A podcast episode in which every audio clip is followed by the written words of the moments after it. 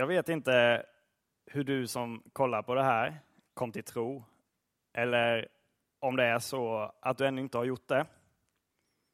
Några av er vet jag såklart, då ni vid något tillfälle har berättat det för mig. Men eh, de flesta av er vet jag tyvärr inte. Men jag skulle gärna vilja höra, då varje berättelse om hur någon har fått möta Jesus är unik. Det kan ju vara allt ifrån en lång tids grubblande och logiskt tänkande som gör att man beslutar sig för att tro. Eller för en del så är det kanske bara ett enda stort starkt gudsmöte. Idag ska vi prata lite om det som händer med oss efter att vi har fått ta emot Jesus i våra liv. Alltså det vi brukar kalla för efterföljelse eller lärjungaskap. Vi ska läsa från Kolosserbrevet som är ett brev av Paulus och Timoteus till församlingen i Kolossai som eh, låg i det som är eh, Turkiet idag. Paulus var inte den som eh, grundade församlingen från första början, utan det var en man som hette Epafras som eh, Paulus samarbetade med i sin mission. Kontakt fanns dock mellan församlingen och Paulus då han fått höra mycket gott om dem, men där det nu tyvärr hade trängt sig in villoläror och bråk mellan olika grupperingar inom församlingen. Innan vi läser dagens text så eh, vill jag bara skicka med några frågor som ni kan bära med er. Vad innebär det för dig att du en gång har tagit emot Jesus? Och hur påverkar det ditt liv? Idag ska vi läsa en, enligt mig, ganska tuff text från just eh, Kolosserbrevet. Men eh, som vad jag tror ger en bra riktning för en kristen att hålla i livet. Och vi får upp texten som är Kolosserbrevet 3, 1-11. Om ni alltså har uppstått med Kristus, sträva då efter det som finns där uppe, där Kristus sitter på Guds högra sida. Tänk på det som finns där uppe, inte på det som finns på jorden. Ni har ju dött och ni lever ett osynligt liv tillsammans med Kristus hos Gud. Men när Kristus träder fram, han som är ert liv, då ska också ni träda fram i härlighet tillsammans med honom. Döda därför det jordiska hos er, otukt, orenhet, lidelser och onda lustar och själviskheten, detta avguderi. Sådant framkallar Guds vrede, och det fyllde även er tillvaro när ni levde mitt uppe i det. Men nu måste också ni lägga bort allt detta, vrede, häftighet, ondska, oförskämdhet och alla skändligheter som kommer ur er mun.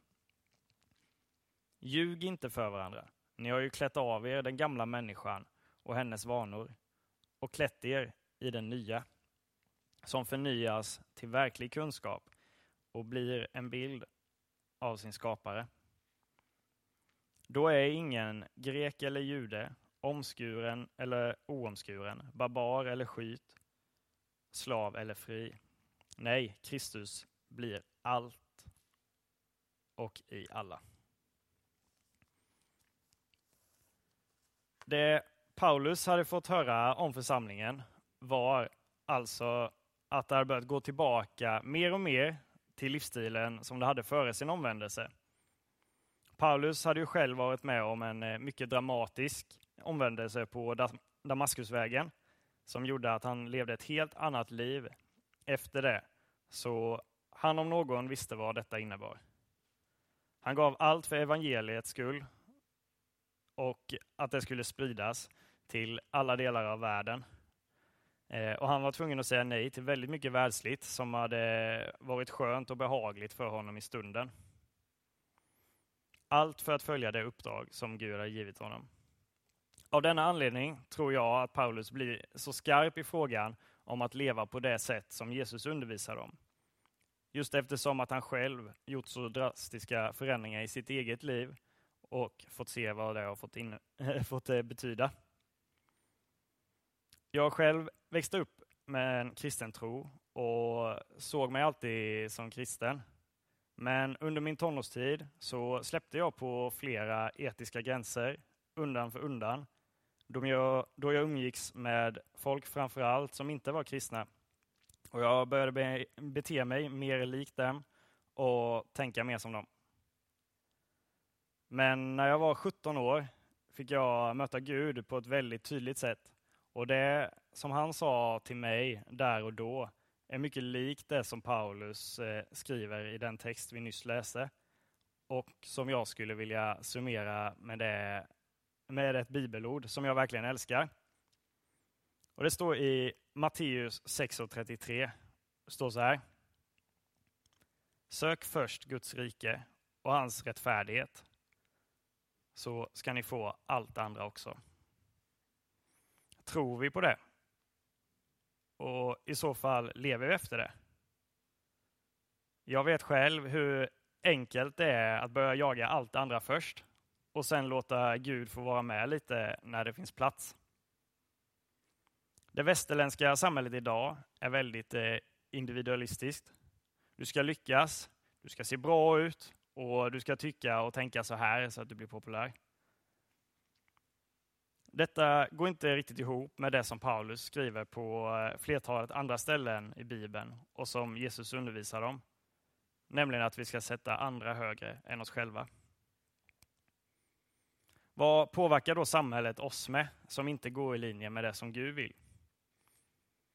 Ja, saker som influerar oss kan vara allt möjligt och jag tror att de flesta saker kan vara både positiva och negativa. Exempelvis eh, musik, tidningar, politik, sociala medier, jargonger på jobbet, skolan eller andra fritidssammanhang som fotbollslaget eller eh, om man håller på med någon annan sport. Men för att ta ett exempel av dessa så älskar jag rapmusik. Men en väldigt stor del av den eh, rapmusiken som görs idag är ofta drog och våldglorifierande och väldigt ofta extremt kvinnoförnedrande. Detta är något som för mig eh, blir jobbigt då jag så lätt rycks med av själva musiken och glömmer bort vad det faktiskt säger för ord i texten. Och jag, tror att ett sådan, eh, jag tror att sådant påverkar oss mer än vad vi kanske tror, framförallt undermedvetet. Därför tror jag det blir extra viktigt att välja vad vi matar oss själva med eh, för typ av influenser och är uppmärksamma när det börjar gå över gränsen. Jag tror som sagt att det är bra att vara medveten om sina etiska gränser för vad som är okej okay och inte. Och när jag var ungdomsledare här så fick jag ofta frågor om eh, man som kristen fick göra si eller så. Och jag tror ofta jag försökte svara på något bra sätt eh, och jag vet inte hur bra jag lyckades. Men det har slagit mig nu på senare tid att det är inte gränserna som är själva grejen med att vara kristen, utan att grejen med att vara kristen är centrum. Och centrum för oss kristna, det är ju Jesus. Sträva mot att leva så nära Jesus som möjligt. Alltså sök först Guds rike, så ska vi få allt det andra också. Avslutningen på den texten vi läste tycker jag är riktigt härlig. Det är vers 11. Och jag tänker ofta på den när jag hör om olika grupper som bråkar med varandra. Först och främst inom kyrkan. Det gör mig ledsen att se hur osams vi som kristna är ibland. Och att veta att folk inte kan gå till samma kyrka på grund av att de har olika hudfärger. Det är, det är väldigt tråkigt. Petrus, en av Jesu lärjungar, får uppenbarat för sig i Apostlagärningarna 10.34 att Gud, han gör inte skillnad på människor. Och jag tror att det är mycket det som Paulus försöker säga här också. Jag tror att detta är en viktig sak för oss att komma ihåg när läget är som det är både i Sverige och i världen. Människor gör skillnad på varandra. Både medvetet, men ofta strukturellt och omedvetet. Och om Gud inte gör skillnad på människor så tror jag, precis som Paulus, att inte vi borde det heller. Avslutningen på denna text, eh, den är ju helt fantastisk. Men jag har ändå vågat att skriva om den lite och det får bli min avslutning här. Du är inte nu längre svensk eller afghan, vd eller pastorstudent, man eller kvinna, gammal eller ung. Utan nu är vi alla ett och allt i Jesus. Amen. Vi sjunger psalm 584.